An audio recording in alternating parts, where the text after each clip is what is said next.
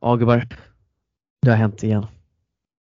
Jag bommade och så där på rec. Det den här gången var att jag kom på det var efter bara 10 minuter. Oh. Så, Skönt, Vi kör det sa om. jag om allt.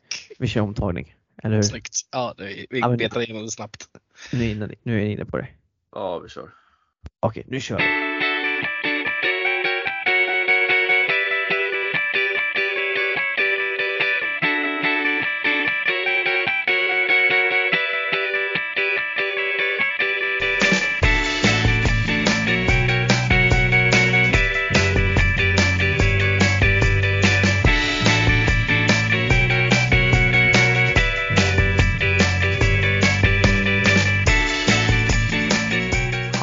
Allihopa och hjärtligt välkomna till Innebandy Stockholm podcasten avsnitt 22 tagning 2.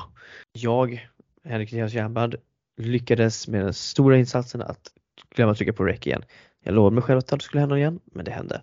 Så nu får ni kanske höra att det är lite så här ja, påklister och sånt där, men det, det spelar ingen roll. Jag tror att ni kommer njuta av att höra våra röster igen. Så att eh, vi kör det här igen då helt enkelt och eh, för er så har vi den fantastiska fyran återsamlade igen. Det vill säga vi har full närvaro idag på dagens poddavsnitt vilket gläder oss enormt. Och eh, ja, vi kan väl börja med änden idag att vi hälsar Kristoffer Fagerberg välkommen tillbaka till podden eftersom eh, nu kommer vi med helt ny energi och kanske kommer att leverera en liten, eh, liten, liten sågning och en liten hyllning idag. Eller vad säger du själv Stoffe? Hur är läget med dig och eh, hur har det veckan varit? Jo, men det, det är bara bra med mig. Uh, har ju gläds åt att säsongen är tillbaka i rullning igen eh, med matcher i, i helgen eh, efter VM-uppehållet. Eh, och sen eh, ja, lite, lite popcorn och lite skadeglädje åt att fotbolls-VM är lite av en shitshow. Uh, eh, så att, nej, men det är bara bra.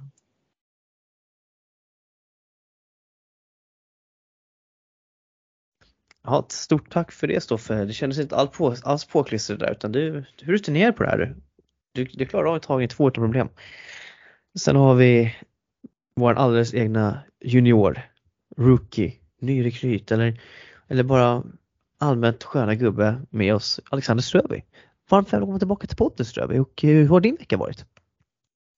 Ja, men tack så mycket. Det har varit, eh, det har varit bra. Eh, fullt schema fram och tillbaka mellan hallar. Eh, varit lite på nya träningar här och där eh, inom föreningen. Eh, kollat hur det ser, ser ut runt omkring överallt. Vet du. Eh, tyvärr kunde man inte vara med förra veckan på grund av att ni ska ju spela in klockan 10 en tisdag medan vi andra har normala jobb. Eh, men eh, nu är man tillbaka och nu ska man väl leverera förhoppningsvis.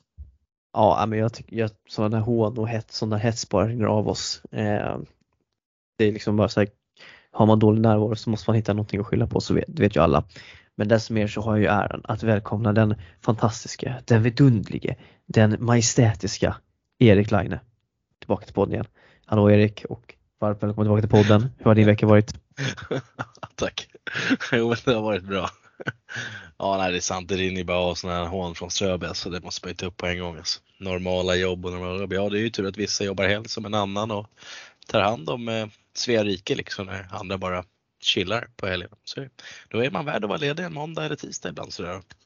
Njuta onsdag, torsdagar och sådär. Men ja, ja Ströby behöver inte ens koll på vilken dag vi spelar in eller sådär så det är därför det märks att han är lite trött i huvudet. Så därför dålig närvaro. Men eh, nej, veckan har varit bra.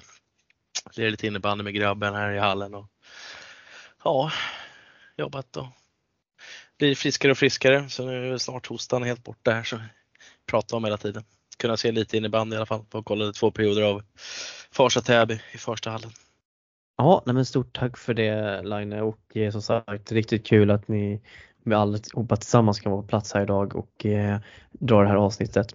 Eh, dagens upplägg kommer vara ganska enkelt egentligen utan vi kommer att börja med att vi kör till nyhetssvep och sen så kör vi lite lite lite herrallsvenskan eh, där Stoffe får raljera lite i sedvanlig ordning, det brukar han gilla och vara bra på.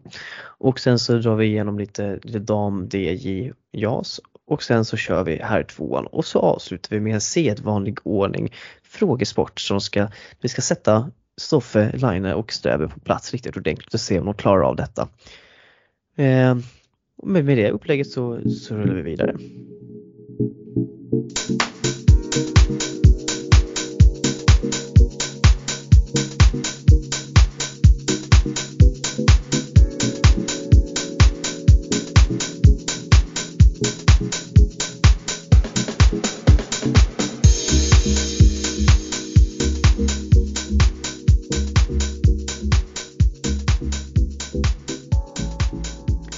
Ja, och då så ska vi sätta igång med det sedvanliga nyhetssvepet och vi börjar med att inleda att eh, berätta om att eh, Huddinge IBS och Djurgårdens IF IBS Theodor Svensson fick kliva av sin senaste, senaste matchen där i, för Huddinge med ett befarat brutet nyckelben.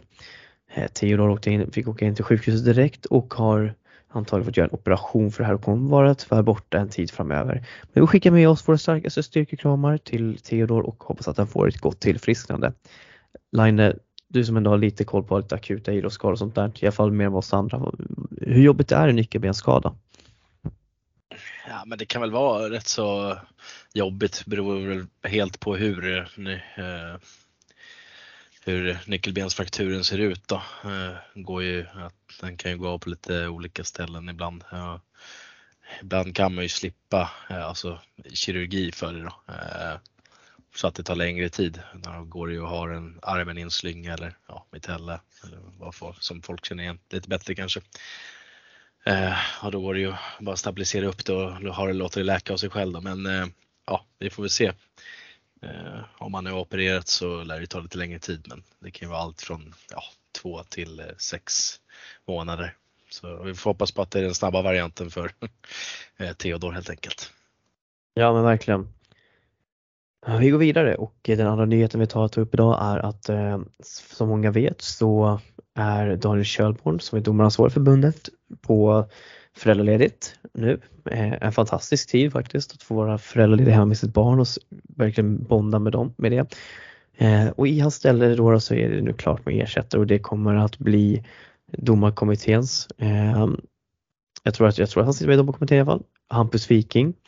En ung domare som har gjort en snabb karriär inom Stockholms innebandyförbund på domarsidan och som för många ses som en, som en väldigt bra domare. Eh, och eh, ja, han ska nu axla rollen som domaransvarig framöver på Stockholms kvinnoförbund, har redan börjat göra det och eh, jag tycker det här känns som en väldigt, väldigt spännande rekrytering och eh, det är såklart väldigt svårt att fylla Kjellborns skor som har en ganska stor respekt skulle jag säga ute i distriktet. Men hur ser ni på uttagningen av Viking eh, Ströv om du får börja? Jag har ju eh, känt Viking några år och eh, jag tror inte du hittar någon finare själ i i Stockholm faktiskt. Han brinner för innebanden och eh, han har många intressanta tankar så jag tror absolut han kommer ta, ta Stockholm uppsving nu med den här nya positionen han har fått. Ja, vad tror du då Line? Jag tror absolut det kan bli bra. Jag är också som Ströby känt Viking x antal år nu och haft honom som domare faktiskt under många matcher i början när han klev på sitt domaruppdrag och tycker att han har gjort eh, väl godkänt. Några matcher har han väl spårat ur lite grann men eh, det får man göra ibland. Men Eh, Eh, jag tycker han har varit duktig, men jag tror att han kommer axla den här rollen ganska bra. Och han är väl i Karlberg och sitter som lite sportchef där. Och han har koll på bitarna tror jag och får hoppas att han eh, kan sköta det här och gå in och lära sig mycket med det här och samtidigt göra ett bra jobb. Det, nej, men det känns som en eh, bra kille på rätt plats. Och, nej, det är kul att han eh, vågar ta på sig det och köra. Så det, det blir nog bra tror jag. Absolut.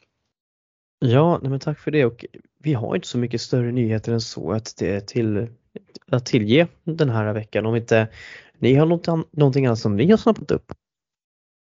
Jag tar tystnaden som att ni inte har hört någonting speciellt heller så att eh, vi lämnar det därhän och går vidare.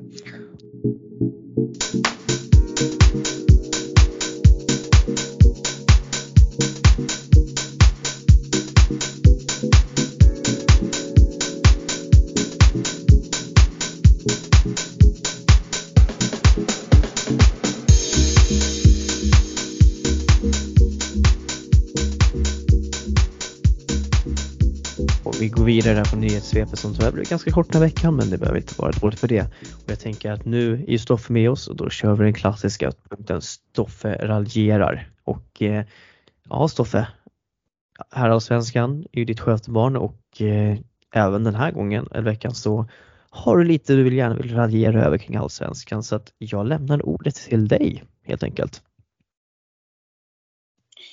Ja, men jag tycker att eh, eh, det eh, säsongens besvikelse hittills eh, tycker jag är, är Tullinge.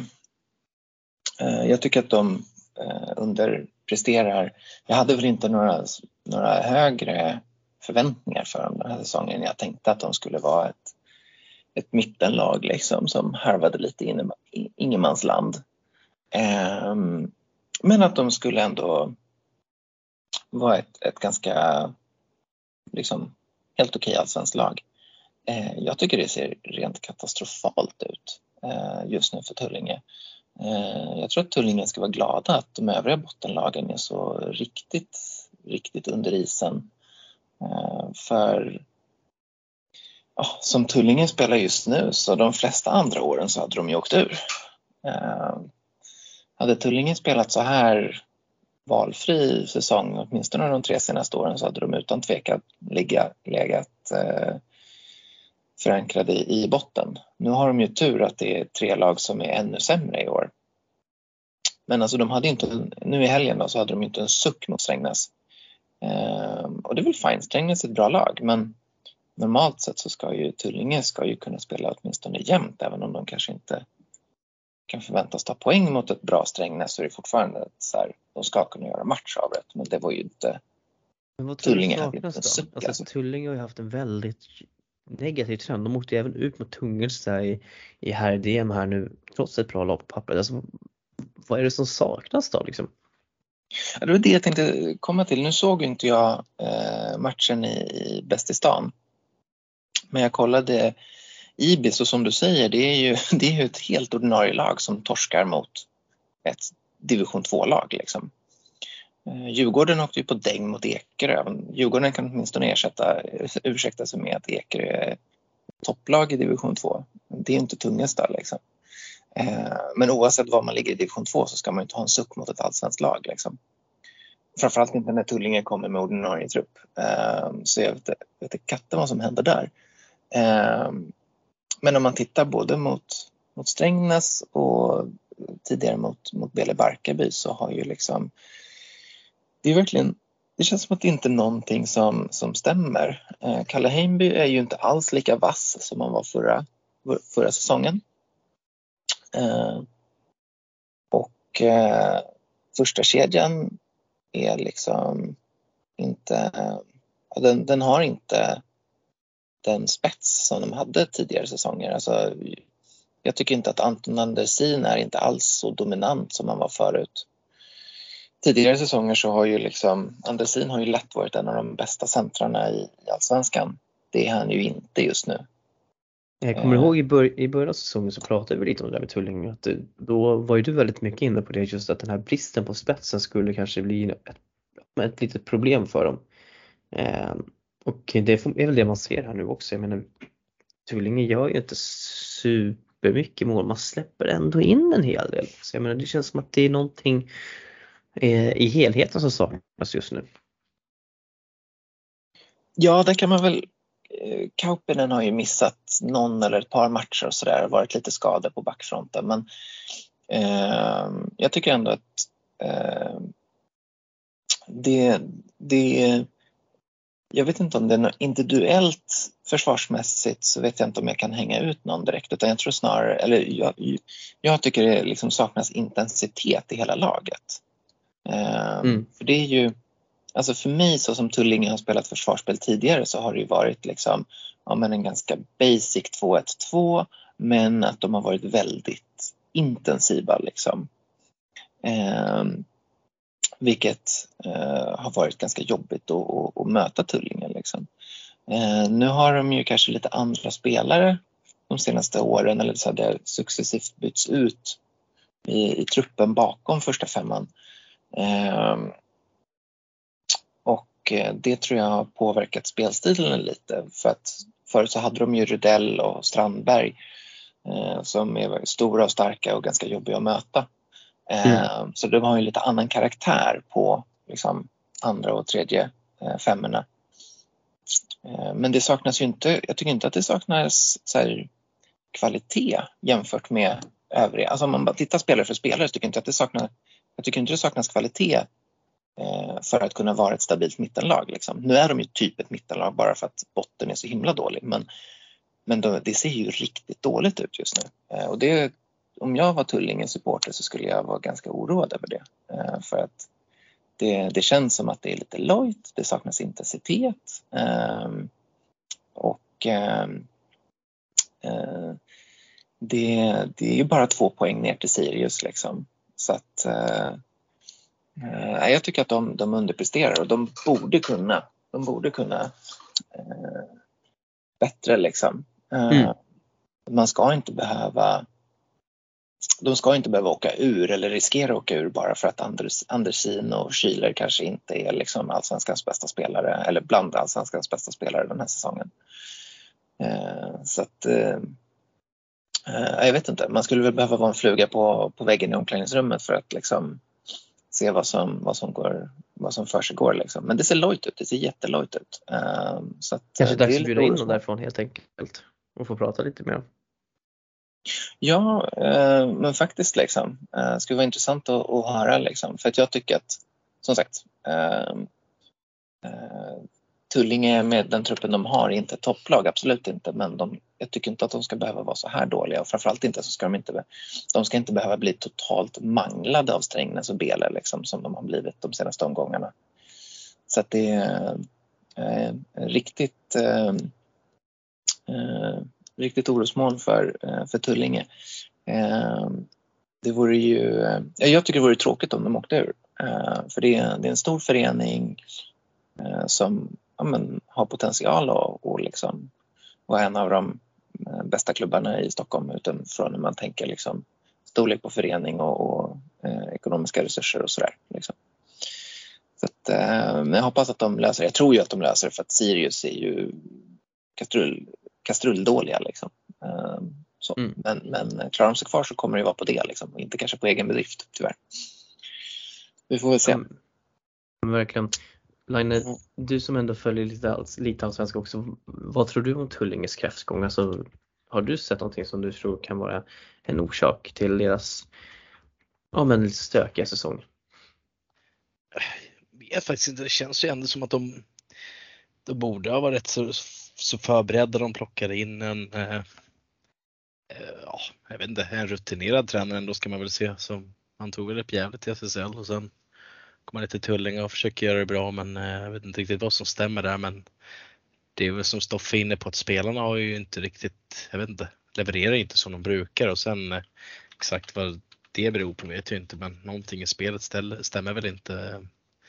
Sen, eh, ja, beror helt på hur de diskuterar och vad de försöker få fram. Men eh, nej, det, det, det är ganska tomt liksom från eh, sådana spelare som man brukar se leverera och det, det är klart, då, då går det ju rätt så tungt och eh, man ser ju inte mycket av de andra som jag brukar känna igen, Nisse Tomasson och Pontus Sjöström. Nu brukar ju inte Sjöström spruta in poäng men Nisse är väl ändå en typ av målskytt. Så.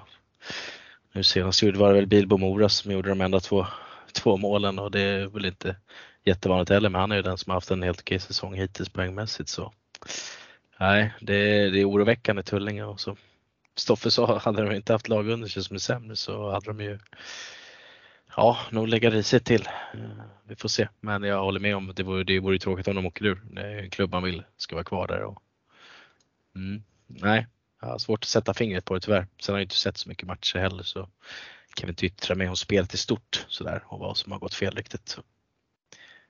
Mm. Ja, nej, men vi, vi får fortsätta följa, följa Tullinge nära, nära på närmare håll. Men Stoffe, finns det något lag som du tycker har imponerat lite extra på dig då?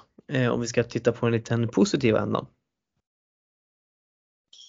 Uh, det beror på. Ska man, om man, ser man Nykvarn som ett uh, Stockholmslag så jag vet inte imponerad. De gör det de ska. Uh, de har haft ett par kanske lite onödiga poängtapp där de kanske underskattat motståndet men eh, de, jag tycker de ser så, exakt så bra ut som de ska vara. Eh, de rullar på. Eh, så det, det ser ju bra ut för Stockholms län perspektiv. Sen tycker jag, alltså BLS är ju, de har ju lite tunnare trupp i år liksom. Och så har de en knäskada på Sagmeister. Ehm, så att eh, det var väl, eh, var väl ändå lite frågetecken kring hur, hur mycket de skulle orka gå på en kedja. Men jag tycker att de har gjort det jättebra. Ehm, nu, eh, nu hade ju firma Madani, Oskarsson hade ju en lite, alltså Kristensen, Oskar Kristensen.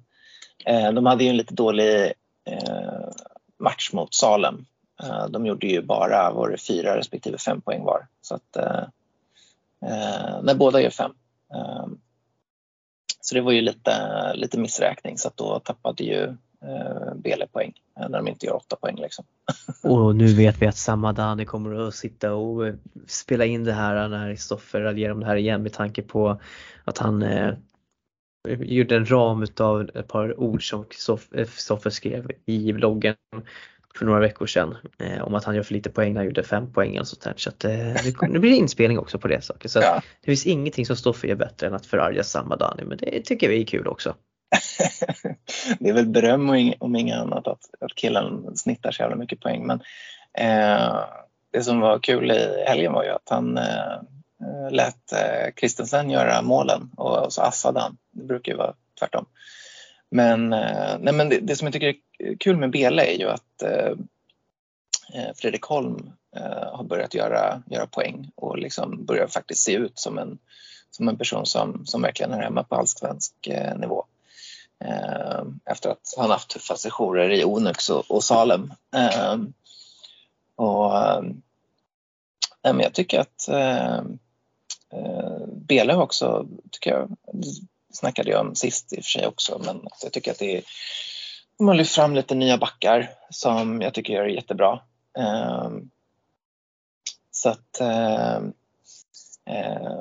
men jag tycker att det ser väldigt intressant ut eh, för, för Bele. Jag tror att de alla gånger kan gå till, till kval. Ehm, och kan de undvika Nykvarn i första Eh, kvalomgången så kan de nog absolut gå till kvalomgång två, det tror jag. Eh, sen beror det på vem man får möta där. Liksom. Men, men eh, kan de undvika Nykvarn så, så kan Nobele tråckla sig igenom valgång, kvalet, första kvalet. Sen är det ju ja, det är alltid kul att kolla på Bele dessutom. Så, att, så här, det är ett, det är ett lag man verkligen vill ha i, i ett kval tycker jag. För att deras första kedja är ju det bästa som finns i allsvenskan eh, och det är bara så jäkla kul att kolla på dem. Eh, så att, eh, nej men det är eh, Bele, Bele går bra, Nykvarn går bra. Eh, jag tycker Älvsjö gör det bra också. Eh, jag tycker att så här, de städar av Hudik utan några större problem. Det var väl hyfsat jämnt resultatmässigt. De vann med 6-3 men, men det kunde varit betydligt mer för Älvsjö. Ehm, jag tycker, jag tycker Älvsjö har, har koll på den matchen från början till slut. Ehm, och, ehm, jag tycker Älvsjö gör det bra försvarsmässigt. Det var ju mitt stora orosmoln för dem inför den här mm. säsongen. Jag tycker att så här, Precis. Jag tycker att de har gjort det liksom, de har gjort det de är jättebra.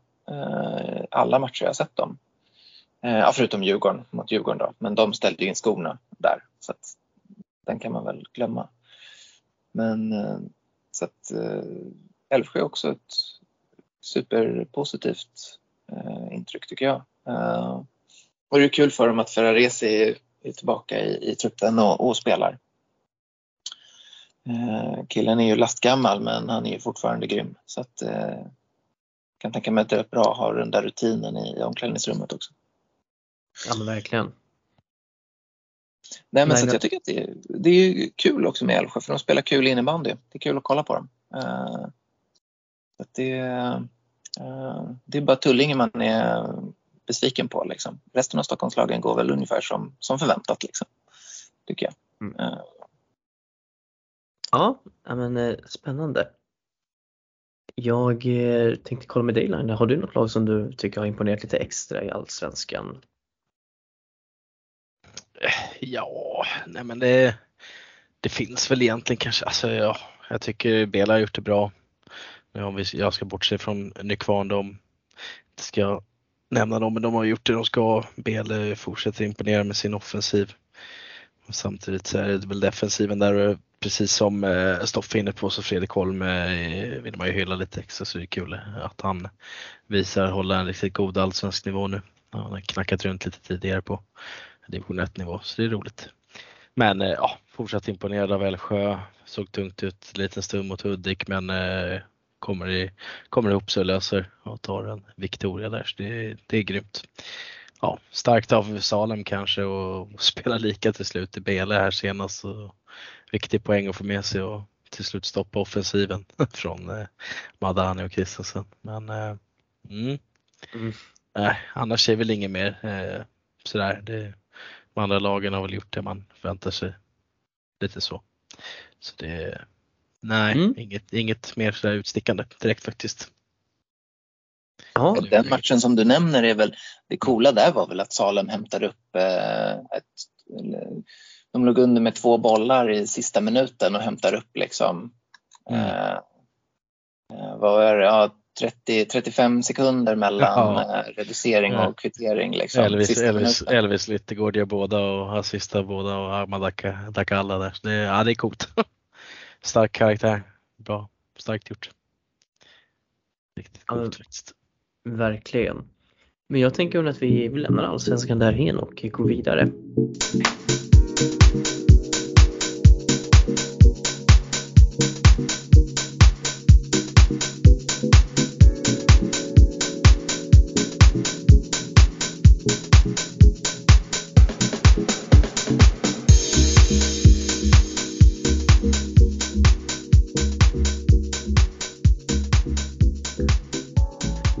Vi lovade lite extra fokus på dam, damettan och det är JAS här idag och jag tänker att vi börjar med lite damettan och eh, Ströby, du har tittat lite extra på fem olika lag i damettan som du vill lyfta lite och prata lite, prata lite med oss, dina kompisar med och eh, om vi, du börjar med ditt första lag som du har tittat lite extra på, vilket är det? Absolut, det är ett eh, lag som eh, du Henke tycker, eh, tycker om har jag, har jag hört på vilovägar. Det är Hässelby. Ehm, och jag skulle säga att de, de startade med en bra uppsving mot Bele eh, som idag är etta i tabellen. Eh, sen följde med en vinst mot Nacka där Hässelby fick göra sista avgörande med ungefär 14 minuter kvar av matchen. Eh, men sen följer man upp det med en 6-6 mot Vallentuna och då ska man också tillägga att det var Vallentunas första poäng ända fram till nu i Nacka när de, när de slog Nacka nu i helgen. Så äh, vet inte riktigt hur Hässelbys form var där, men sen följer de med det efter med en vinst mot Sköndal med ganska sköna siffror ändå 8-4. Men sen så har man Råsunda och det blir en 8-3 förlust. Eh, sen, har, eh, sen har vinsterna varit på Hässelbys sida med tre raka vinster. Och jag skulle säga att de har en, de har en bra trupp. De har bredden och en bra spets. Stor blandning bland eh, både rutin från allsvenskan och en del nya spelare som, som kommer skapa sin rutin. Och jag tror Henke kommer hålla med mig i den här att deras bästa värvning den här säsongen det, det måste vara Amanda Hanell ändå som har klivit in därifrån Vändelsö. Eh, och hade sin eh, vad är det, rötterna borta i Bele Barkarby tror jag. Kommer väl hem lite och eh, efter sin, jag tror en säsong i Vändelsö. Eh, men hon är helt klart den bästa spelaren som har värvats in enligt mig. Vad tror du själv Henke? Eh, jag håller inte med dig. Eh, utan jag tycker att eh, den helt klart viktigaste värvningen har varit eh, Eh, Klara Tolin som kommer hem, eh, kommer hem med sin SSL, mycket SSL-rutin bland annat också och eh, har verkligen liksom varit otroligt viktig för det här lagets karaktär och att hålla, eh, hålla uppe spelet och eh, vara en trygg punkt för Hässelby. Man märker att även som ligger under matcher så levererar de och liksom har, har ett bra tänk och det är för att jag tror att man fått in rutinerade spelare som faktiskt står vind. Så tycker jag Amanda Hanell är en jättebra värvning såklart också. Jag gillar Amanda Hanell väldigt skarpt och det är en otroligt bra spelare som jag har hyllat många gånger i podden och på bloggen. Eh, som faktiskt gör väldigt bra jobb. Men jag tycker att eh, Klara Thulin helt klart förtjänar eh, kanske det epitetet än mer. Eh, sen finns det, har flera spelare från Allsvenskan som har gjort det bra. Jennifer Holland, eh, Hollanders exempel också, väldigt viktigt. Och eh, ja, det finns inte men ja, SEB är ett lag som jag eh, tycker är väldigt spännande. Jag tycker att det är en förening som även om man har värvat ihop ganska mycket spelare till spelare tillbaka i år till Hässelby så tycker jag att eh, ja, man, gör, man gör rätt. Man bygger, försöker bygga två seniorlag med mycket Hässelby-profil. Det tror jag stärker bara i längden och skapar liksom den här familjära känslan. Och här vill jag, jag vill verkligen hylla Jonny Persson som gör ett fantastiskt jobb i, i Hässelby. Eh, om du var klar där kring Hässelby så får du jättegärna ge oss ditt andra lag som du har funderat lite extra kring. Absolut. Jag har funderat lite extra kring en eh, förening som kanske ligger Stoffe lite nära hjärtat och det är Djurgården. Ehm, och jag vet inte om man förväntar sig att Djurgården eh, ska gå efter deras succé i D2 från förra säsongen men startar med åtta raka förluster. Ehm, det kanske är för lite nya spelare i truppen. Eh, de har ändå värvat in spelare med division 1 kvaliteter eh, samt ifrån allsvenskan också. Jag Tror även deras målvakt Matilda där är ifrån eh, Luleå och kommer från allsvenskans VL och även i D1. Eh, men jag trodde absolut de skulle producera mer i, eh, än vad de har gjort hittills. De, de kommer från det där lyckoruset ifrån att kliva upp ifrån D2 eh, ganska enkelt egentligen. Men jag tror tempot i D1 kom som en eh, vad ska man säga, en, en, ganska stor smäll emot dem. Sen vet jag inte riktigt hur stort spelartapp man egentligen kan ha fått, eh, men de har ändå värvat in en hel del nya spelare. Eh, men jag eh, är lite fundersam. Eh, Henke, vad, vad tänker du kring Djurgårdens inledning nu åtta matcher in, in i den här D1-säsongen?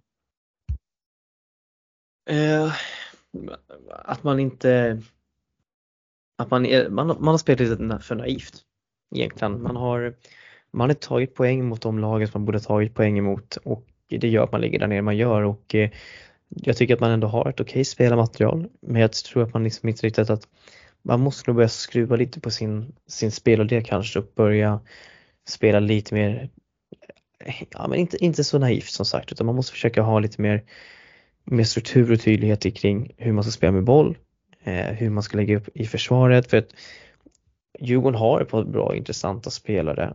Eh, och okej okay, trupp som jag sa men ja, de har inte fått att klicka helt enkelt. De har vissa matcher de har torskat med, med undanmålet och eh, det finns vissa prestationer som ändå har varit helt godkända. Men jag sa ju på förhand på säsongen att jag tror att Djurgården kommer att hamna långt ner. Och eh, i nuläget så ligger de ju ungefär där man har förväntat sig. Kanske inte att jag skulle tro att de skulle hamna sist men det är helt klart ett lag som jag tycker borde ligga högre upp i tabellen utifrån vad jag har tippat men ja, är vi jag tror Djurgården kommer att få, få det svårt. De måste ju vinna den här matcherna mot de lagen som ligger i samma region av tabellen helt enkelt. Ja, de möter ju Vallentuna om eh, två omgångar. De har ju först Bele Barkarby och sen Vallentuna. Eh, det gäller väl bara att hålla sig eh, så nära lika man bara kan mot Bele och sen eh, satsa på att ta tre poäng mot Vallentuna för att hålla sig kvar egentligen. Absolut, men vad tror du själv om Djurgårdens säsong då? I, eh, fortsätter de på det här spåret så vet jag inte riktigt. Jag tycker att de, eh, som du säger, spelar underlaget, men jag tror att de, de kan nog komma, men då måste de verkligen komma på något nytt. Kanske måste de ta ett internmöte i föreningen och snacka. Vad behöver vi? Vad tänker vi? Eh, jag vet inte hur underlaget under ser ut egentligen med juniorer man kan fylla upp med eller om man kan göra något likt med tränarrollen till exempel kanske. Men jag tror att eh, Djurgården kommer nog ligga neråt. Eh, jag tror man får bra nivå för att gå ner till eh, damer division 2 nästa säsong. Så jag hoppas ja, absolut att de håller sig uppe och får en till säsong att testa på i D1. Men eh, de kanske är en mer av en bottenklubb just nu. Ja, tack för det Strömberg. Vilket är ditt tredje lag som du har funderat kring? Mitt tredje lag jag har funderat på det är eh, Hammarby. Och eh, nu efter om, åtta omgångar har man ändå producerat 46 eh, framåt och man har släppt in 33. Och de ligger på en ganska bekväm andra plats i serien. Eh, det, är, det är två förluster man har tagit och det är Bele som ligger etta och det är eh, mot, ba, mot Huddinge såklart. Eh, och jag skulle nog vilja säga att den som, det finns två spelare som står ut i det här laget. Jag skulle först och främst säga att det är Josefin Svensson, deras eh, målvakt, inlånad ifrån just eh, Huddinge. Hon ligger ju runt en 82 till 91 procent i räddningsstatistik nästan varje match. Eh, tittade lite på deras bästa i stan mot TT och det var ju det var en otrolig uppvisning eh, ska man absolut säga. Och sen är det ju eh, Hanna eh, Adamsson Loreby eh, också en Vändelsö-fostrad spelare som plockar många poäng och hon, eh, hon känns som en bärande länk i det där laget. Och man ska ju ta och lägga till att de har ju producerat en vinst över Råsunda, vilket är nog ett av de svåraste lagen i den här serien att slå. Och fortsätter de på den här så tror jag nog absolut att eh, det kan vara allsvenskan kontrakt som knackar på dörren till nästa säsong. Vad tror du själv Henke? Eh, ja, nej men eh, Hammarby är helt klart ett lag som jag också funderat väldigt mycket kring. Eh, just för att det var ett lag som jag trodde skulle hamna långt ner men de gjorde ett par riktigt fina värvningar. Jag tycker Josefin Svensson har gjort en jättefin eh, säsong i kassen och verkligen haft en stor utveckling och visat framfötter. Och, eh, jag tycker man har fått väldigt bra genomslag på sin spelidé och Eh, med de spelrekryteringar man har gjort. Det har varit rätt spelare för det här laget och man fortsätter nog att satsa på många av de unga, unga spelarna. Eh, till exempel en sån som Hanna Adamsson Lårby har tagit jättekliv. Ida Torbjörn är jätteviktig när hon har varit med, med och spelat. Men även spelare som till exempel ja, Elsa Janholt, Tindra Westerlund och eh, Annabelle Jonsson har gjort ja, men fina matcher och insatser måste jag verkligen säga. En sån som Smilla Parkler också har verkligen också börjat hitta sitt, sin rytm i Hammarby och eh, ja, men jag är jättepositivt överraskad över Hammarby och eh, jag tycker alltid att det är kul att bli motbevisad när man kanske gör en tippning och det tycker jag verkligen Hammarby visar. De ligger ju två nu bakom Bele och eh, det är fullt välförtjänt och de, de vann en eh, svängig match mot Tullinge nu i helgen så att ja, men jag, all cred till Hammarby, verkligen. Ja, de ligger ju på ett i ålderssnitt så är de flesta spelare födda vid 00-strecket och de tillsammans med Bele och Hibs så, så är det ju 0-0 spelare som eh, producerar absolut flest poäng i, eh, i alla de tre lagen egentligen. Ja men per, precis. Skulle du vilja ge oss ditt eh, fjärde lag? Där kliver vi in på ett norrortslag. Det är Rotebro med Mårten i spetsen. Eh, ska säga att de inledde, eh, det var svajigt, det, tre, det var tre raka förluster. Sen kliver man in i en kanonform verkligen med, tre, med fyra raka segrar. Eh, och det är ganska högt snitt i målen på, per match faktiskt. Eh, men man kan också säga att där visade ju verkligen hur viktiga Sandra Litzén och Miranda Nilsson är för Rotebro. Eh, kollar man statistikmässigt så är det ju Sandra ligger på en fjärde plats i poängligan på 17 poäng och Miranda ligger på en tredje på 18. Och jag tror absolut Rotebro kommer fortsätta plocka poäng mot de, eh, mot de svårare lagen nu när de verkar ha hittat lite eh, av deras sätt att spela och deras tempo. Och Mårten Storm är ju en eh, otrolig ledare så jag tror att eh, han kommer fortsätta pusha det här Rotebro-laget eh, högre upp i tabellen tills, det, ja, tills den sista matchen är spelad. Ja, nej men jag tror att eh, Rotebro eh, kommer att bli ett mittenlag. Jag tror de ligger där kring mitten och kommer att, kommer att hamna där. Det känns som att man inte riktigt kanske har bredden för att utmana topplagen. Men man har ju absolut spetsen för att kunna vara med och hota lite där bakom i vassen. Ehm, så att, eh, ja, men jag tror Rotebro hamnar väl någonstans i mitten och det väl, får väl representera ungefär deras insatser hittills under säsongen tänker jag. Ehm, vilket är ditt femte lag som du tittar lite på? Det femte laget jag har tittat på, eh, ska jag inte vara helt ärlig, jag har inte tittat absolut mest just för att det är min egen förening, det är Huddinge. Eh, men statistikmässigt så har de gjort flest mål på 55 och släppt in 31. Eh, och de ligger strax efter och strax efter dem så ligger Råsunda på, på 19. In, så Hibs tillsammans med Bele och Hammarby har ju eh, den yngsta eh, yngsta truppen så att säga. De ligger på en femte plats, en pinne under Hässelby och jag vet inte riktigt om, eh, om Hibs har eh, riktigt hittat formen än, men eh, de kommer nog komma på uppsving. Jag vet ju att föreningen har, har höga ambitioner gällande dietan eh, och jag kan nog säga att eh, en spelare som Emily Lindström är väl en ganska bärande själ i just Huddinge eh, med väldigt mycket unga spelare på väg uppåt. Eh, och det är, eh, det är mitt femte lag. Henke, vad tänker du själv om Hibs, rivalföreningen så att säga? Eh, nej, jag tycker inte att det är godkänt. Alltså, jag såg dem som en ganska klar etta eh, utifrån den speltrupp de har och så som det är, vart de kommer ifrån förra säsongen. Och, eh, jag tycker att de, eh, jag vet inte, jag tycker att det är för väldigt mycket upp och ner. Det är höga toppar och väldigt djupa dalar emellanåt och väldigt varierande resultat. Jag tycker att man Vissa stunder så imponerar man, vissa sekunder, stunder så är man inte alls imponerande och eh, jag tycker att eh, jag hade förväntat mig mycket, mycket mer av Huddinge faktiskt och tycker att de är en besvikelse hittills. Visst, man sitter på 22 plusmål eller vad det var för något och det är ju bra.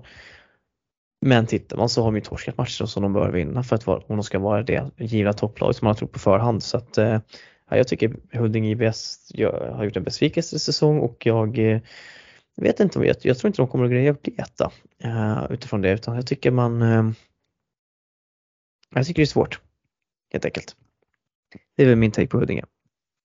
Jag kan hålla med om att det känns lite som en besvikelse, eh, speciellt om man kollar på lagen uppåt med, eh, med Bele och eh, Hammarby eh, just nu, deras toppform i alla fall.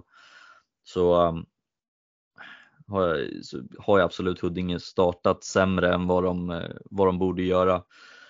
Men eh, ja, även som en, lite av en besvikelse absolut. De ligger ju på femteplatsen med, eh, med lagen eh, högre upp som är i kanonformer, absolut. Eh, poängen som de bör plocka tar de tyvärr inte. Eh, och lite som Henke, du själv är inne på, det är lite svajigt. Nu ska väl inte jag sitta och prata allt för länge om min egen förening, absolut, men eh, jag vet att, eh, att eh, Huddinge har, har planerna framåt och eh, de är nog inte själva nöjda med den femteplats de sitter på. Men eh, ja, det är mycket matcher kvar att spela gällande alla de här lagen, gäller även Djurgården. Så vi får, vi får se absolut hur säsongen tar sig framåt.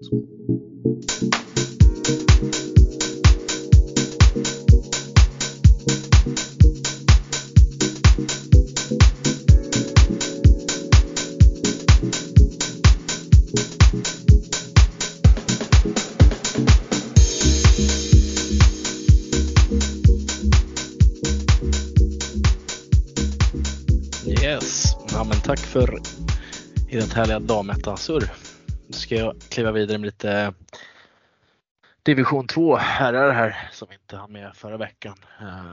Gå in och prata lite där då. Eh, kan väl, ja, ska vi nämna eh, Ekerö, trillat ner på en tredje plats. Har väl två matcher mindre spelade än eh, topplaget Rotebro nu och eh, Huddinge fortsätter att imponera och gör det ruskigt bra. Jag hade väl satt dem på någon sjunde plats eller vad jag satt så eh, ja, Huddinge har ju kapacitet som jag nog nämnde då när vi spelade in division 2 tippningen. De har verkligen visat sig göra det riktigt bra. Eh, och nu möter ju Huddinge och Ekerö varandra imorgon så det blir ruskigt spännande att se. Eh, och ett kära Tungesta som slog ut Tullinge i Allsvenskan. Går lite knackigt fortfarande. Serien har väl fem raka torsk här tror jag. Lite, lite tungt där. Eh, Väsby ligger ovanför strecket och eh, mm, krigar på bra trots en ganska tunn trupp. Är det någon av er killar som har följt division 2 någonting? Har någonting att nämna? Nej, men jag, jag har en fråga till Line. Vad tänker mm. du om, om Lidingö?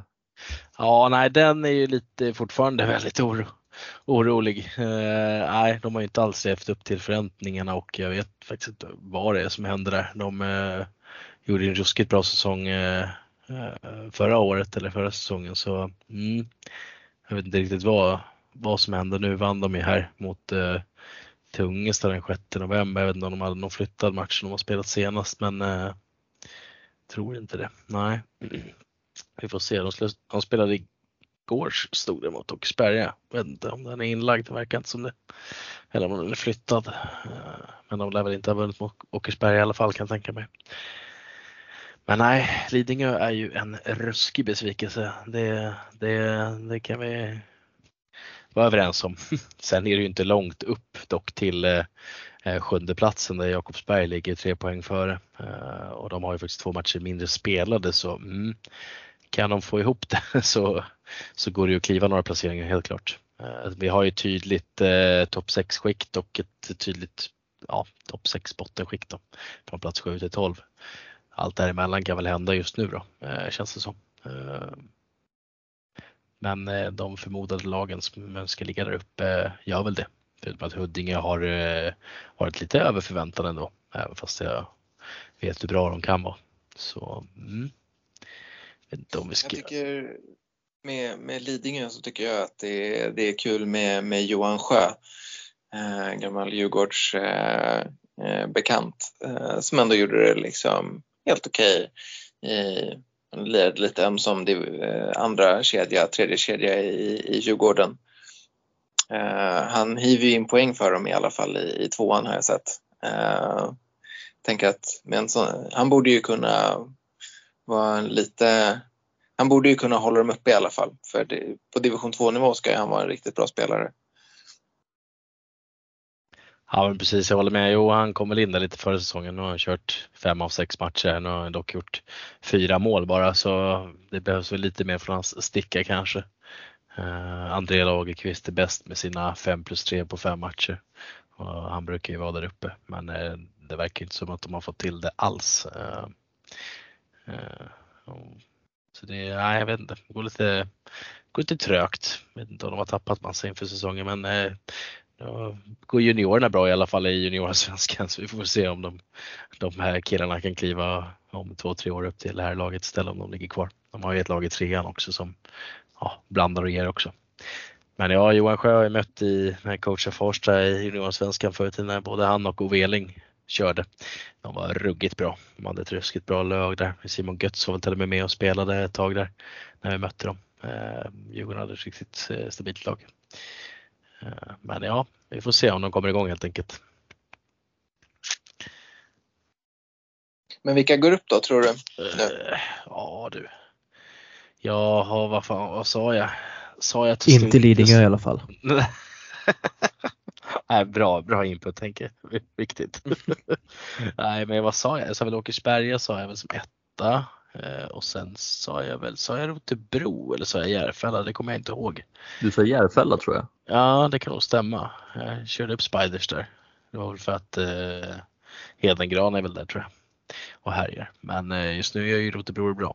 Eh, då vill vi verkligen ta steget tillbaka till division 1, det vet man Men ja, kul att Ekerö helt, helt plötsligt gör det bättre när man trodde lite sämre om dem. Men eh, mm, de gör det bra. Det, blir, det kommer bli en intressant toppstrid där alltså om, eh, om etta, första och andra platsen helt klart. Eh, det är galet jämnt, liksom topp 6. Det, det. Alltså, det skiljer ju inte jättemycket mellan, eh, mellan topp 6-lagen. Eh, jag, kollade, jag kollade lite på Nytorget mot Väsby förra helgen för de lirade precis innan jag skulle lira. Och eh, eh, där var väl min enda reflektion att eh, shit vad Väsby har det tufft alltså. Eh, men det är klart, de har ju tappat en hel del inför de har ju tappat några duktiga spelare till Djurgården och Eh, och sådär. Det är väl någon som har stuckit till AIK också va? Eh, men så att de har ju tappat en hel del poängspelare tyvärr. Eh, det, det syntes ju, tycker jag, när de mötte, de mötte Nytorget som sagt och det såg ganska valpigt ut. Eh, så de, eh, ja, de har det lite, lite kämpigt, i alla fall den matchen. Ja, alltså de blandar ju er lite. Nu spelar de 3-3 här i förrgår mot Järfälla som är en av toppkandidaterna. Så jag är lite imponerad ändå. Ville Lorendal var med och spelade verkar som igen. Så jag vet inte om några har gått på lite, lite dubbel där då. Lorendal som även spelar med Täby i Ast så. Ja, de har väl försökt ragga lite folk i Väsby vad jag hörde och försöka få in lite gamla trotjänare och sånt där och lite junisar så var väl ett par 07 till och med tror jag som spelar 06 så det Nej, det är väl kul att de får ihop lite grann. Jag tror de skulle bli en lite mer slagpåse men eh, ja, vi får se. Just nu känns det som att det kommer räcka. De förlorade inte med allt för stort mot eh, Bar Central, men, eller Nytorget som de blir kallade. Så, men Nytorget blandar ju lite också. De lär väl vara ett eh, stabilt ja, mittenlag där. Sex, sjätte plats är väl blir, blir bra. Har du, har du sett eh, har du sett Tungelsta lira någon match den här säsongen? Ja, jag, ska, jag tror inte jag gjort det. Jag, inte ens under Bäst i stan såg jag dem. Nej, jag tror inte det. Nej. För mig att jag inte har kikat någonting. Jag kikade någon träningsmatch på försäsongen tror jag. Det. Eh, det, jag vet inte vad man ska säga. Det, det, nu försvann Jimmy Löfqvist till eh, Skogås. Det är väl ett ganska tungt tapp. Eh, uh, är duktig, men de har ju en hel del skickliga individuella spelare och de har lite power. De har fått in Lukas Sonjoki nu eh, som var lite i Västerhaninge från föregående säsong. Sen har han varit hos mig i Farsta i JAS förut och jag vet att faktiskt Djurgården tror jag har kontaktat honom i Allsvenskan.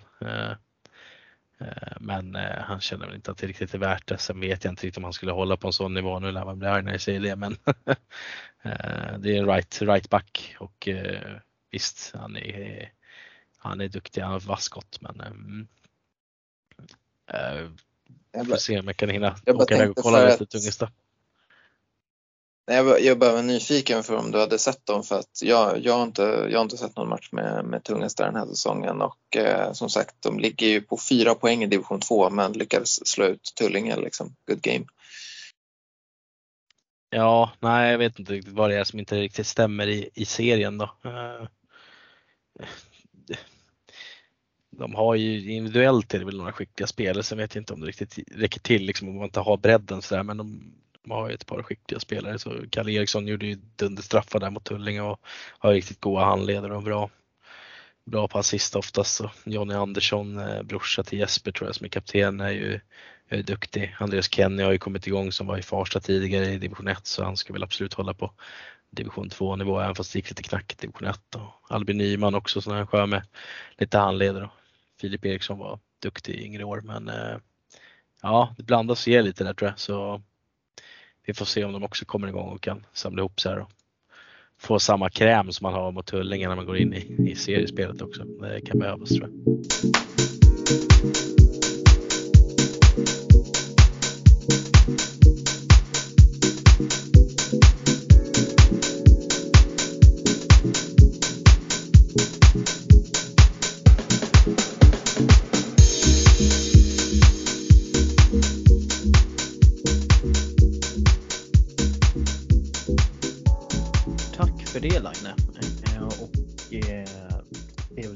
Dragning om eh, här i tvåan där.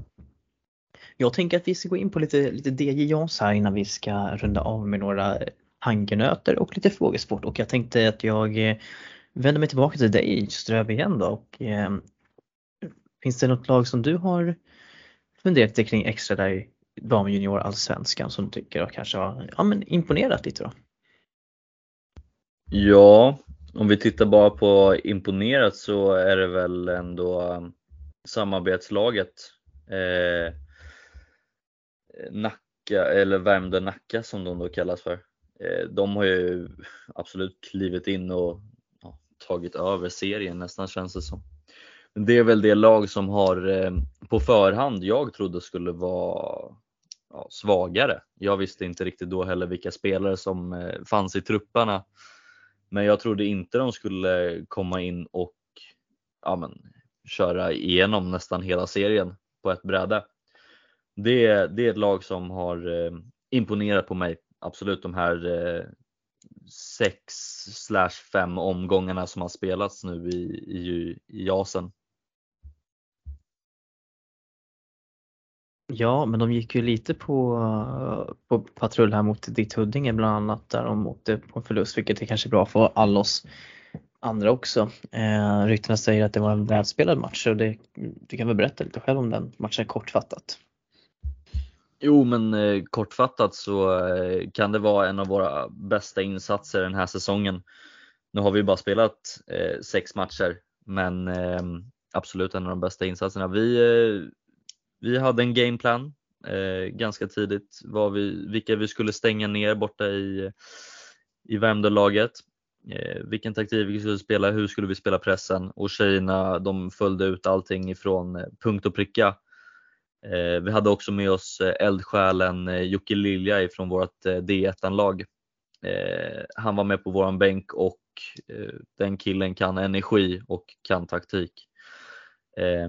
Så vi var en, vi var en trio på bänken, alla med varsin eh, uppgift. Nej, vi var en fyra, vi var en fyrklöver på bänken. Alla med varsin uppgift i varsin kedja och eh, ska jag säga helt ärligt. Det är tjejernas förtjänst rakt igenom. Eh, Värmdö, Nacka såg lite, såg lite svajigare ut. Jag tror de trodde det skulle vara mer av en eh, walk in the park. Men eh, vi satte vårt, eh, vårt Huddinge-spel emot dem och det genererade våra tre poäng ganska komfortabelt.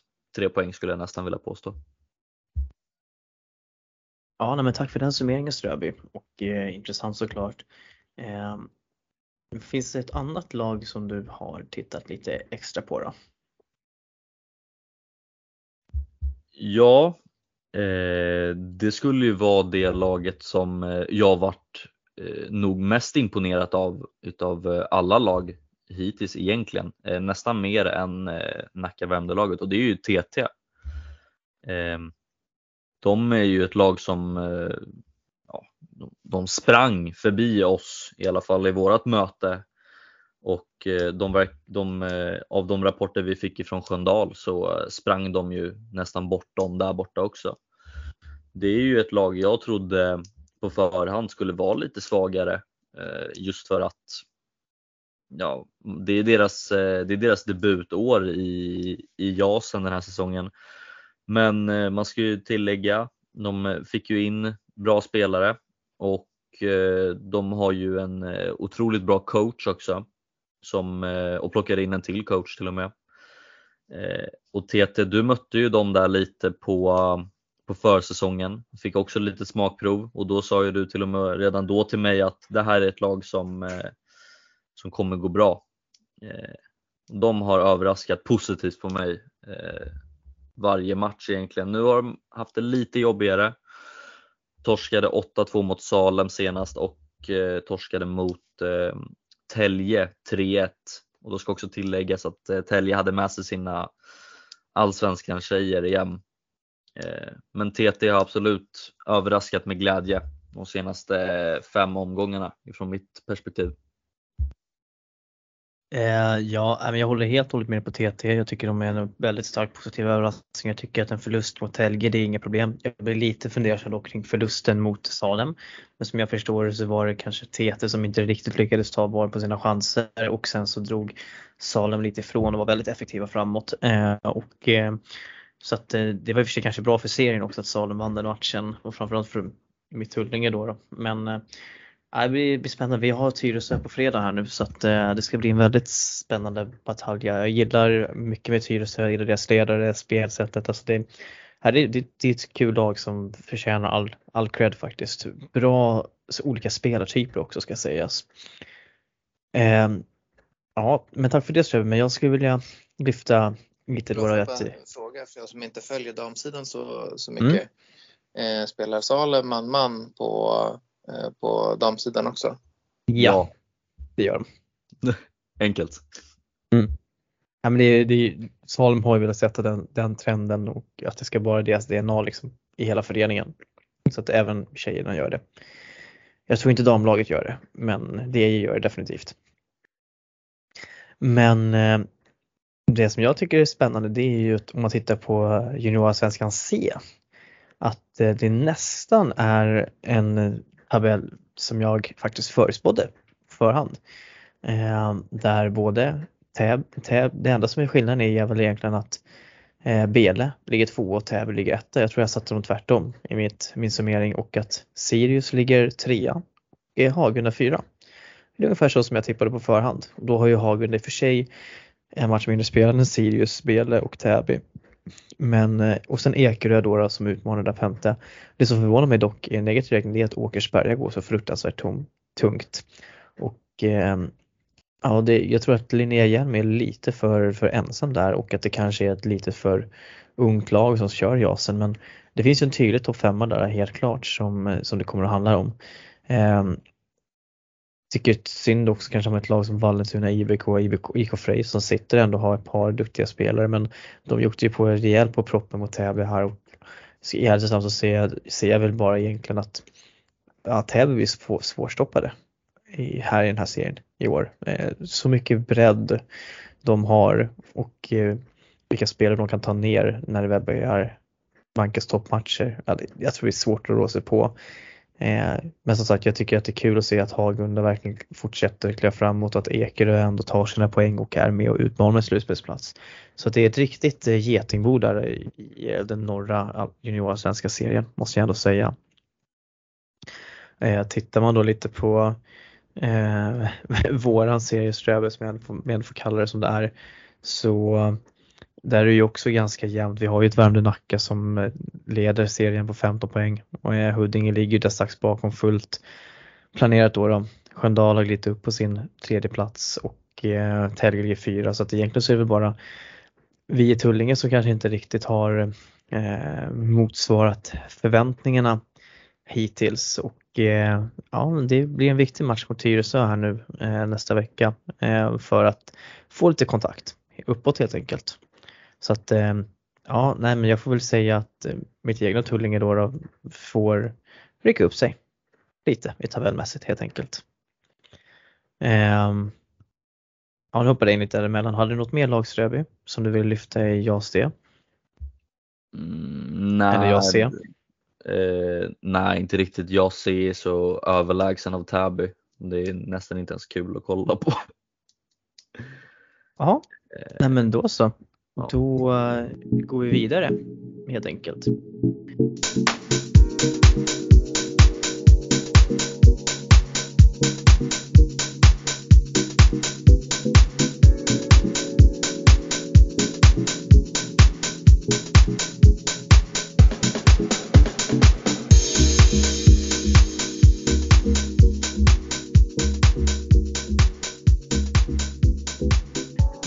Kör frågesporten så ska, ni, ska vi ställa Line och eh, Kristoffer här lite mot varandra.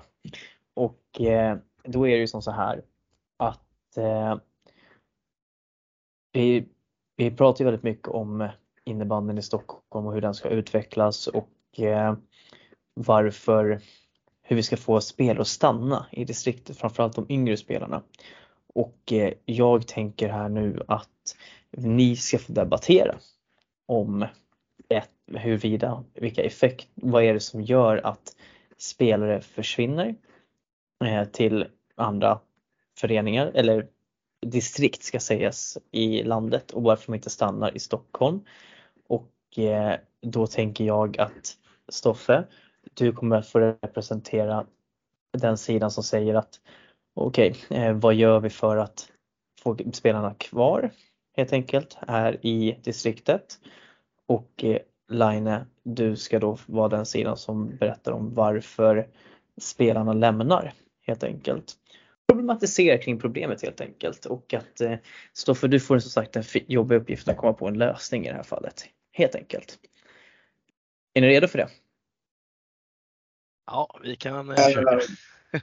Okej, okay. kan jag mitt bästa. Stoffe was ja, born ready det här är uppstuds så det, det, blir, det blir spännande. Um, men Line, då får du börja. Varför lämnar unga spelare och eh, kom tidigt egentligen för andra, andra klubbar i, i landet? Varför kan vi inte behålla våra spelare här i Stockholm? Ja, men det är ju helt enkelt att vi har mycket att erbjuda runt om ute i landet. Eh, vi har allt från tillgängliga bra halvtider, man har en skön kultur, man kan gå ner och hänga lite. Vi har träningsanläggningar, hallen står öppen. Och lite sköna eh, rum man kan hänga med i som klubben bjuder in till. Man, man, man har det gött och trevligt liksom helt enkelt. Och, ja, det, vi, vi bygger liksom bra ute i landet. Det, det finns ju mycket som lockar. Ibland kan det vara lite olika högskolor som lockar. Man kan eh, kombinera lite, eh, lite studier med bra innebandy. Eh, vi får bra stöd från kommunerna runt om och ja, vi, vi nöjer oss där just nu helt enkelt. Du, men, du menar alltså att Stockholm inte kan, Nej, kan Stockholm erbjuda de förutsättningarna? Nej, precis, som det är behövs. dåliga förutsättningar i Stockholm, så är det. Och det är väldigt spretigt i Stockholm, folk rycker i höger och vänster, det blir aldrig någon bra punkt, fast punkt. Eh, Där ute i landet så har vi liksom en klubb och där är man och det, det, det man känner sig hemma där och där, där, därför vill folk komma hit och så stannar man här. Så är det. Ja, men Line tar ju upp här de här förutsätt andra förutsättningar och bättre förutsättningar som finns runt omkring ute i landet. Men, men Stoffe, varför ska, varför ska våra spelare stanna kvar i Stockholm och vad är det som ska göra att de in, inte flyttar runt? Var, var, varför, vad är det som ska göra till exempel att, att eh, Djurgården hade, hade kunnat göra att Djurgården hade fått behålla massor med, ta- få ha massor med talanger i sitt SSL-lag istället för att eh, behöva åka ut med dunderbrag och söka djupt ner för att hitta spelare till exempel? Ja, nu tror jag väl, alltså eh, Djurgården är väl lite av en, en, en separat story eh, varför eh, det laget kollapsade. Eh, så det kanske inte behöver eh, ha med liksom förutsättningarna och Stockholm att göra. Förutom att naturligtvis Djurgården drabbas av att Stockholm har dåliga förutsättningar generellt. Men att Djurgården kollapsade så mycket kanske har mer med Djurgården att göra än, än, än, än med Stockholm. Ehm,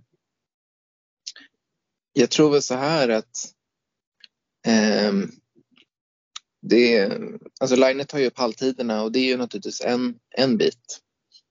Eh, jag tror också att eh, eh, vi inte har något, alltså något riktigt bra innebandygymnasium skulle, skulle Stockholm må bra av.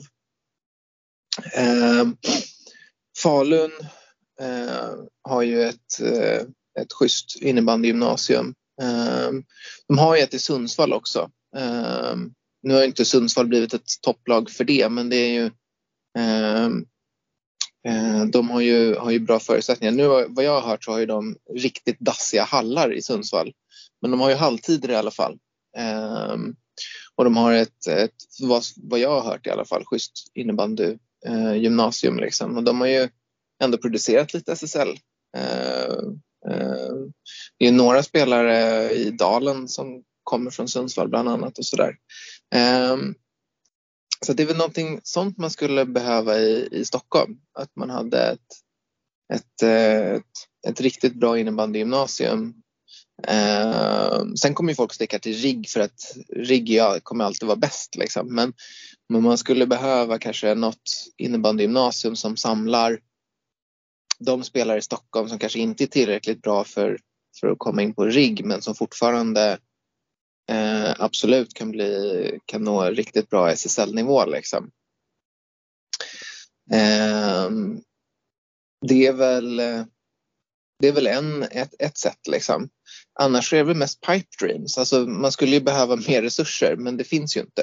Så det blir lite så här moment 22. Eh, vi skulle ha, behöva mer Eh, större publiksiffror så att eh, vi fick lite mer intäkter till, till de största klubbarna i, i Stockholm. Men det är ju så mycket annat som konkurrerar om intresset i Stockholm så att det blir ju svårt. Eh, Djurgårdsfansen går ju och kollar på Djurgården Hockey på vintern och på fotboll på sommaren. Alltså jag förenklar och raljerar lite men typ så är det ju liksom. Eh, eh, Djurgården skulle ju behöva att Djurgårdarna går och kollar på Djurgården innebandy också. Uh, och, och AIK-fansen på AIK och så vidare. Liksom. Eh, men det, det sker ju inte. Eh, så att uh, det, det, det är tufft liksom. Och det finns väl inte ja, man kan prata om att så här, klubbarna ska bli bättre på sociala medier och så här, och det är klart, det kan de ju bli, men jag tror att det är, det är, det är kämpigt i Stockholm. Uh, för det, man konkurrerar med så jäkla mycket annat.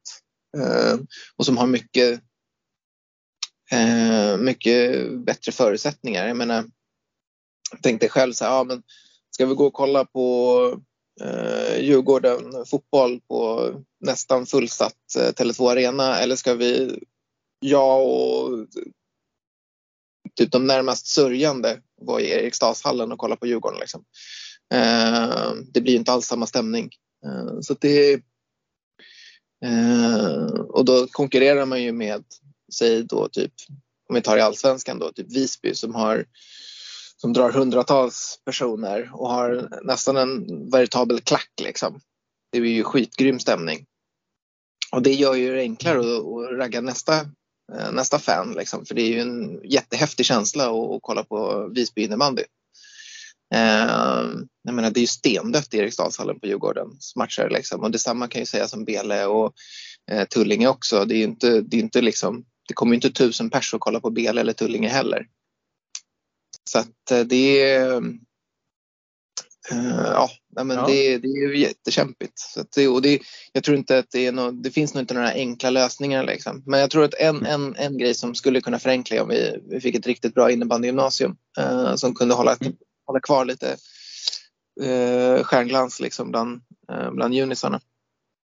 Ja, nej men eh, du är lite inne på det. Jag tänker Line att du ska få sista ordet här nu innan vi kör frågesporten och då tänker jag att eh, Stoffe nämner ju här med riksinnebandygymnasiet bland annat liksom och eh, även fast han har lite roligt uttal på RIG så eh, är, är ju det någonting som lockar och drar. Men det känns som att alltså finns ens förutsättningar för att kunna ha ett RIG i Stockholm? I ärlighetens namn. Ja, jo, alltså.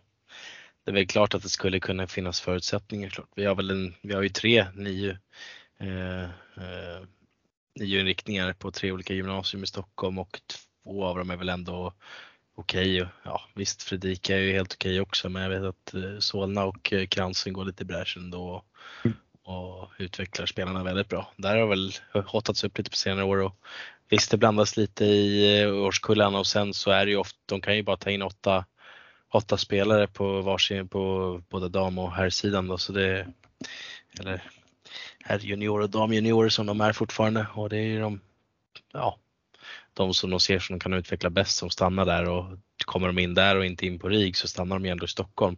Sen kanske de största guldkornen då enligt RIG försvinner ju upp dit såklart. Sen är det inte alltid bara Stockholm som kommer upp. Det är sällan det blir fler än en, två stycken. Nu senast flög det ju iväg en, en del. Det blev ju tre killar och en tjej. Så. Mm. Men, Men jag, säger, om jag säger som så här. Eh, jag har spånat lite på, funderat lite kring det där och vad skulle hända om man i Stockholm skulle göra att eh, våra nion blir ungefär det som RIG är? Det vill säga att spelarna som börjar på nio, de bildar liksom ett, ett lag i serie. Ett niolag som, alltså som konkurrerar i serierna, precis som RIG gör. Att de går in, kliver in och gör det i seniorserierna. Skulle det kunna vara någonting som gör att man, man stärker man ska skapa större, skapa större konkurrens, man ger spelare på hög nivå chansen till exempel på lite högre nivå till exempel och lite sådana bitar. Skulle, skulle det kunna vara någonting som skulle kunna ge en positiv utveckling tror du? Det är en väldigt alltså, det var lite, alltså. Ja, men det, var, ja, men det var lite det jag var inne på. För att det är så här, Faluns eh, innebandygymnasium är ju kopplat till, till Falunlaget liksom. Och eh, Eh, vi i Sundsvall eh, samarbetar med FBC liksom. Så det, det är någonting sånt man skulle behöva i, i, i Stockholm också. Att eh, man tar in en hel trupp liksom. Um, och så att man har uh, bra kvalitet och att de får spela, spela ihop liksom. För att man, alla kan ju gå på ett idrottsgymnasium liksom och sen så spela i, i något lag eh, på, vid sidan om liksom. Men det blir ju inte, uh, det blir inte samma grej liksom. Uh, för jag menar att om, om du eh, det, det är trots allt en, en lagsport eh, och ska man utvecklas så behöver man utvecklas i, i, liksom, i, ett, i ett sammanhang med ett lag. Det blir ju inte samma, det blir inte samma grej om du går på, på ett innebandygymnasium och har inriktning i innebandy liksom, och sen så har du ett, ett, eh, ditt eget lag vid sidan om på kvällarna. Liksom. Ja, nej men Tack för det Stoffe. Vad, vad var din take på det här då, Laine? Nej, men jag tyckte det var en eh, intressant och rolig tanke och eh, det, jag tror att det hade haft en viss eh, positiv utveckling. Eh, sen hade det väl kanske blivit spretigt med tre, eh, tre olika lag kanske som konkurrerar. Men jag tror att det hade kunnat sprida ut talangerna ganska bra och sen, eh, sen är frågan hur mycket det hade dragit musten ur klubblagen då, som vi alltid pratar om igen då, att de hamnar där. Men eh, för att kanske stärka upp Stockholm som innebandystad så eh, så är det som alltid jag ser fördelar och nackdelar med det också. Som sagt, det är, det är, man vill ju värna om klubblagen som inte ska liksom fallera totalt. Eh, men eh, nog skulle det nog kunna få en bra positiv utveckling för att kunna konkurrera lite. Eh, Men ska vi göra så här att, att vi tar med oss den här frågan till nästa avsnitt. Vi funderar lite extra på den och så mm. frågar vi lite, ställer vi frågor till våra lyssnare. Men ja, det kan vara intressant. Vad, vad, vad tycker de om det? Eh, om den här frågan? Eh, och så kan vi ta in lite, lite kommentarer också kring den biten. vi har många bra lyssnare som kommer med många bra idéer så det, det kan vara ja. kul att bolla lite där faktiskt. Så efter att ni har lyssnat på det här avsnittet, gå in på vår Instagram eller Facebook och trycka på händelsen och lägg gärna in din kommentar eh, och vad du tycker om, eh, om det här förslaget att okej okay, men skulle det bli, vara bättre om ni hade egna lagserier eller inte? Helt enkelt. Eh, så tar vi med oss den frågan till nästa poddavsnitt och kanske djupdyker lite mer i det. Och eh, med det sagt så vill jag tacka er båda och eh, väldigt insiktsfulla kommentarer och eh, nu är det så att Ströbe har behövt undvika, han behöver skotta ur bilen nu i, det kaoset som Rimligt att göra det 22.48 men okej okay, Ströbe, tja. Ja, ja men prioriteringar. Och, så att han kommer tyvärr inte vara med på frågesporten och det var ju tråkigt för honom. Men, eh, men Line och Stoffe ska få gnugga sina geniknölar här lite igen och eh, vi återkommer snart.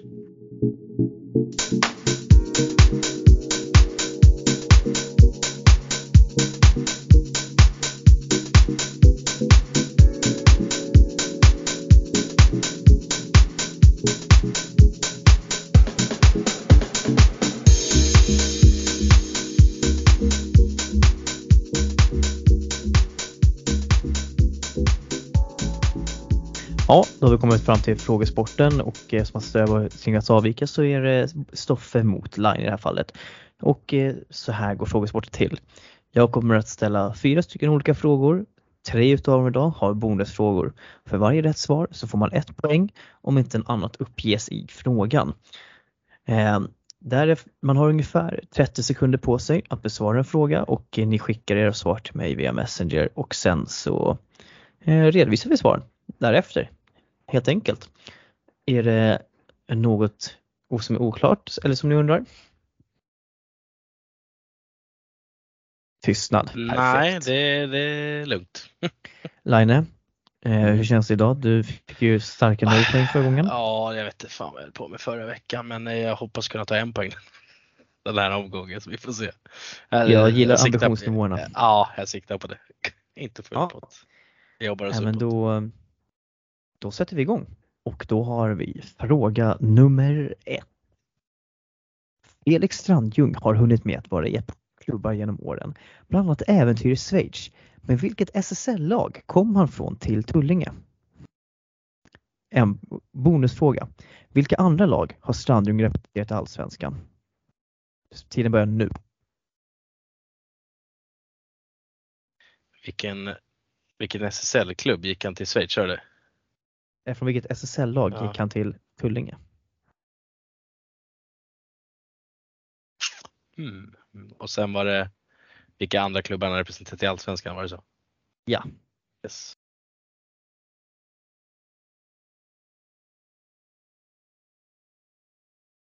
Då var det 10 sekunder kvar.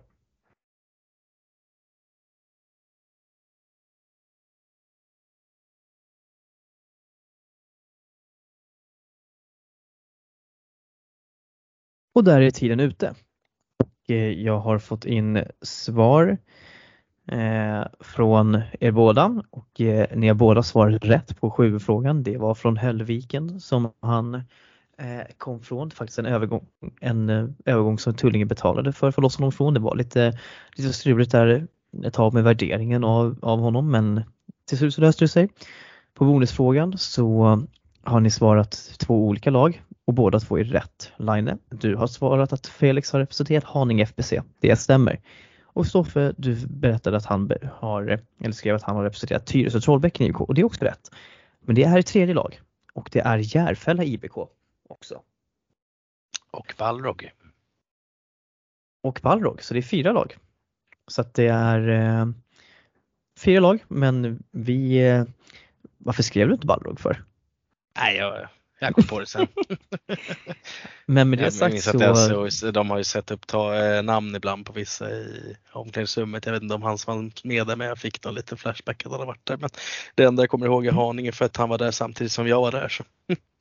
ja, så. Riktigt, riktigt trevlig kille faktiskt. Riktigt Men då har vi- Spelar med väldigt platt blad men kan göra riktigt sjuka saker med det. Ja, det kan man lugnt säga.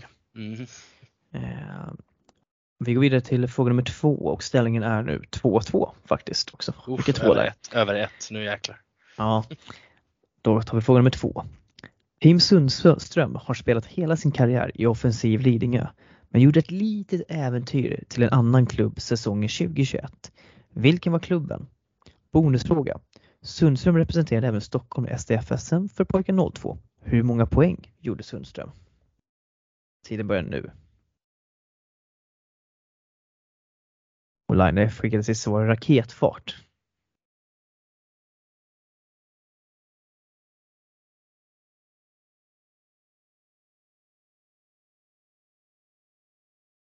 Där har vi båda svar från Line.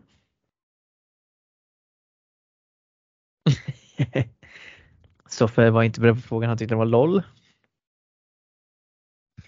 10 sekunder kvar. Ja, förlåt. Jag, har, jag, har, jag har noll koll om det här är. Så att så här, äh, Ja, ledsen. den, var, li- den var lite elak kanske. Ja men jag la ju upp den kanske lite för att Line skulle få något poäng idag. Ja, vad gulligt. Ja. Har du inget, du väljer att blanka den Stoffe? Du ska inte gissa på bonusfrågan i alla fall. Alltså, jag vet inte om det Okej, jag kan skriva en siffra bara. Det Mm. tycker du kan göra, det låter jag dig få göra. Okej.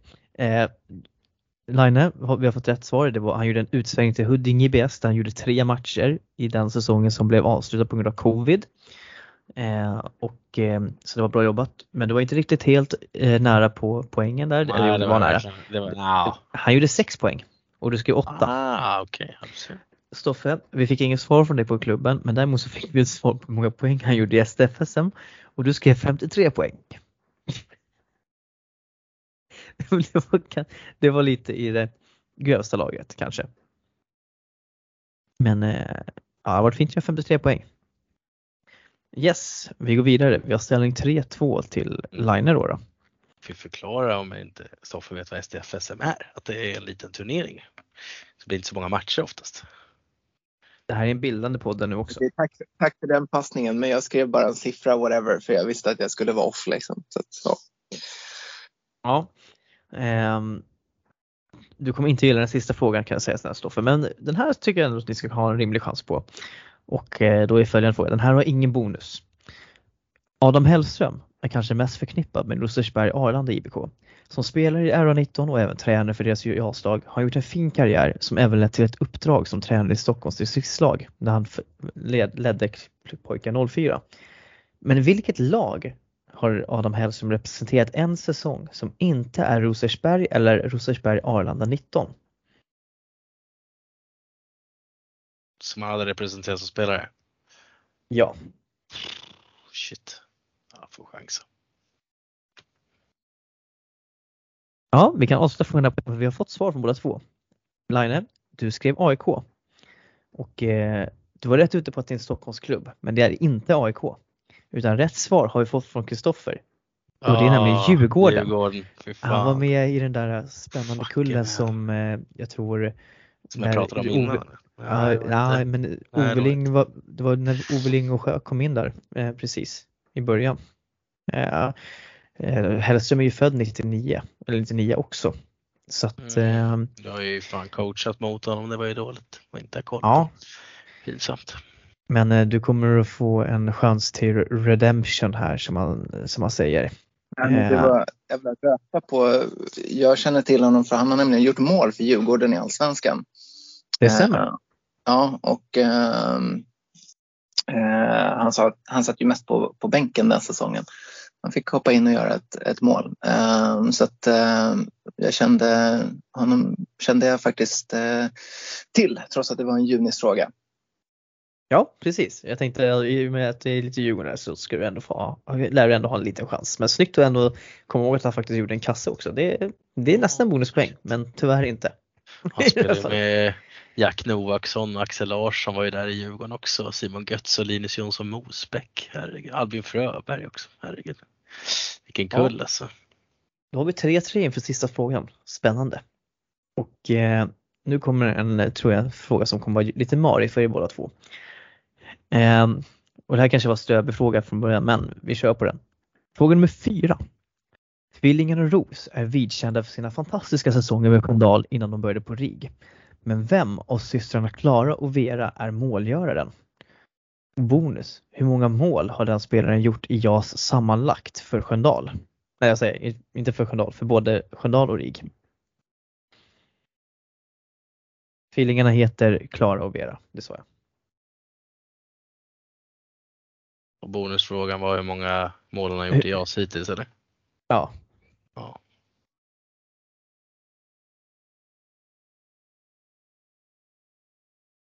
ja Line har skickat in ett svar. Så Stoffe du får ju, det är bara att välja, välja här någon nu. Och där har vi fått Stoffes svar och sen så är det, väntar vi bara på att ni ska skicka in bonusfrågan om antalet mål.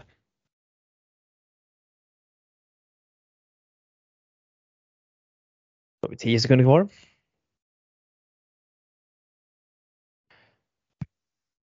Okej.